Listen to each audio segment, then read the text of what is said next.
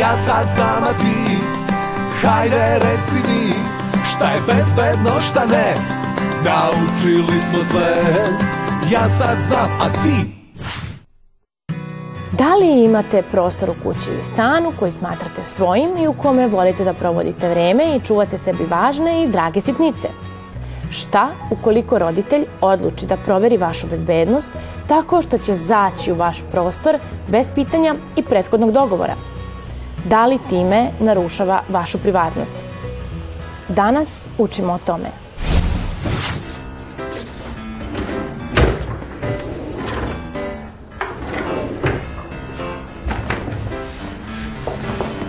Strahinja, šta radiš?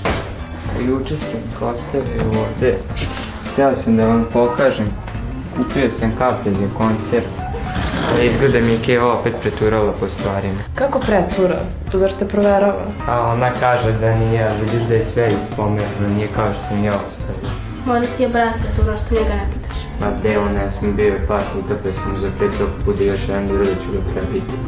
Pa dobro, nije strašno ako mi nešto treba. Ja stalno negde žurim na škola, engleski, čas matematike, a stvari mi svuda budu rasute po sobi i onda majka uđe i počne da ih rasprema, da se iznerviram i tako.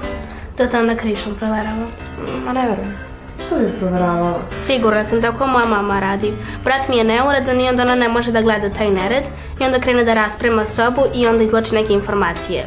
Sam ja mislim tako svi znaju da je ovo moj prostor.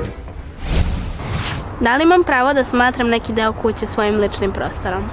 Naravno, stručnjaci čak i preporučuju da deca imaju jedan deo prostora, idealno sobu, koja će biti samo njihova. Na taj način deca asociraju tu vrstu prostora sa onom aktivnošću koju unutar tog prostora obavljaju. Tako kada imamo kutak koji je posebno odvojen za učenje, e, taj kutak od nas e, budi inspiraciju i motiviša nas da učimo, da e, budi nam koncentraciju ili, na primjer, kutak za igranje koji kod nas takođe inspiriše kreativnost i samim tim asociramo taj prostor sa onim šta u njemu radimo. Takođe, bilo bi dobro da imamo naš prostor zato što na taj način se kod deteta motiviše osjećaj samostalnosti i osjećaj odgovornosti koji su kasnije u životu mnogo važni. Da li članovi moje porodice smeju da me preturuje po stvarima? Idealno bi bilo da niko ne pretura po tvojim stvarima. Odnosno da kada neko želi da dira tvoje stvari, da te pita za dozvolu. Kada neko pretura po našim stvarima, taj neko signalizira da nema poverenja u nas. Najbolje bi bilo da se između deteta i roditelja stvara odnos poverenja kako niko ne bi uh, dirao nečije stvari bez dozvole. Kad imam svoju sobu, da li roditelji moraju da kucaju pre nego što uđu? Tako je, roditelji treba da kucaju pre nego što uđu. Ne samo roditelji, to pravilo treba da važi i za decu i za roditelje. Na taj način kada pokucamo, kada želimo da uđemo u prostoriju, mi najavljujemo da ćemo u tu prostoriju da uđemo. Samim tim kada mi želimo da uđemo u neku prostoriju koju neko već boravi, mi ćemo da ometamo njegovo vreme koje on pri, provodi privatno sam sa sobom. Tako da pre nego što uđemo treba da pokucamo. A da li to važi i za mamu? Ona kaže da sam ja još uvek dete i da ima pravo na to.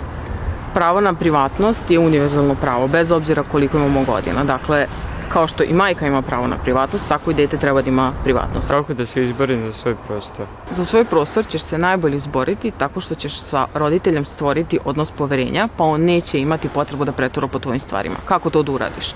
Najbolje bi bilo da budeš odgovoran a, prema svojim obavezama koje imaš u školi i kući, a, da redovno razgovaraš sa roditeljima, da sa njima deliš svoje probleme i nedoumice i na taj način ćeš sa roditeljem stvoriti takav odnos da on nema potrebe da pretura po tvojim stvarima. Da li se to odnosi na cijelu moju sobu ili samo na izabrani deo moje sobe? To se odnosi na sve stvari koje pripadaju tebi. Sve stvari, kada neko želi da, da dira tvoje stvari, treba da te pita za dozvolu. I to je ono što treba svako dete da iskomunicira sa svojim roditeljem i da dobije dozvolu. A na roditelju je da to ispoštuje. E sad, što se tiče uh, ovog pravila, uvijek ima nekih izuzetaka. Recimo, kada majka želi da pokupi tvoju odeću kako bi oprala, ona dira tvoje stvari, ali u tom slučaju ne bi trebalo da ti traži dozvolu. Svako, znači i dete i odrasla osoba, ima potrebu da ima svoj kutak, deo u stanu, u kojem će barem neko vreme biti skriven od znatiželjnih očiju, vreme u kojem može raditi ono što voli, igrati se, slušati muziku, razmišljati o svojim najskrivenijim mislima ili odmoriti se od prisustva drugih. Tu čuva sebi drage i lične stvari. može ukrasiti deo u skladu sa svojim ličnim afinitetima, fotografijama ili fotografijama svojih idola, omiljenim stvarima, hobijima i kreativnim sposobnostima. To je prostor u kom se osjeća da je to njegov lični svet. Tu se može povremeno povući, opustiti se, razmišljati o stvarima koje ga interesuju, brinu, vesele, očekuju, a ne želi trenutno da ih podeli s drugima. Ne treba ući na nečiju teritoriju bez poziva, a još više uspostaviti red ili dirati stvari. Važan je dijalog s ukućanima, pravilno organizovati svoje slobodno vreme, dogovoriti se sa svim članovima porodice koja će soba ili kutak biti vaš, razgovarati koje se stvari ne smeju dirati. Kako bi postala dobra, jaka porodica, svi treba da nauče da cene i poštuju lični prostor ukućana. Naravno, važno je ne narušiti međusobno poverenje. Iako se tokom odrastanja često može dogoditi da se roditelji i deca oko nečega ne slože, iskren i otvoren razgovor može spasiti stvari. Tokom razgovora otkrićete na koji način razmišlja vaš roditelj i sasvim sigurno zaključiti da je cilj uvek isključivo vaša bezbednost. Ja sad znam, a ti Hajde reci mi Šta je bezbedno, šta ne Naučili smo sve. Ja sad znam, a ti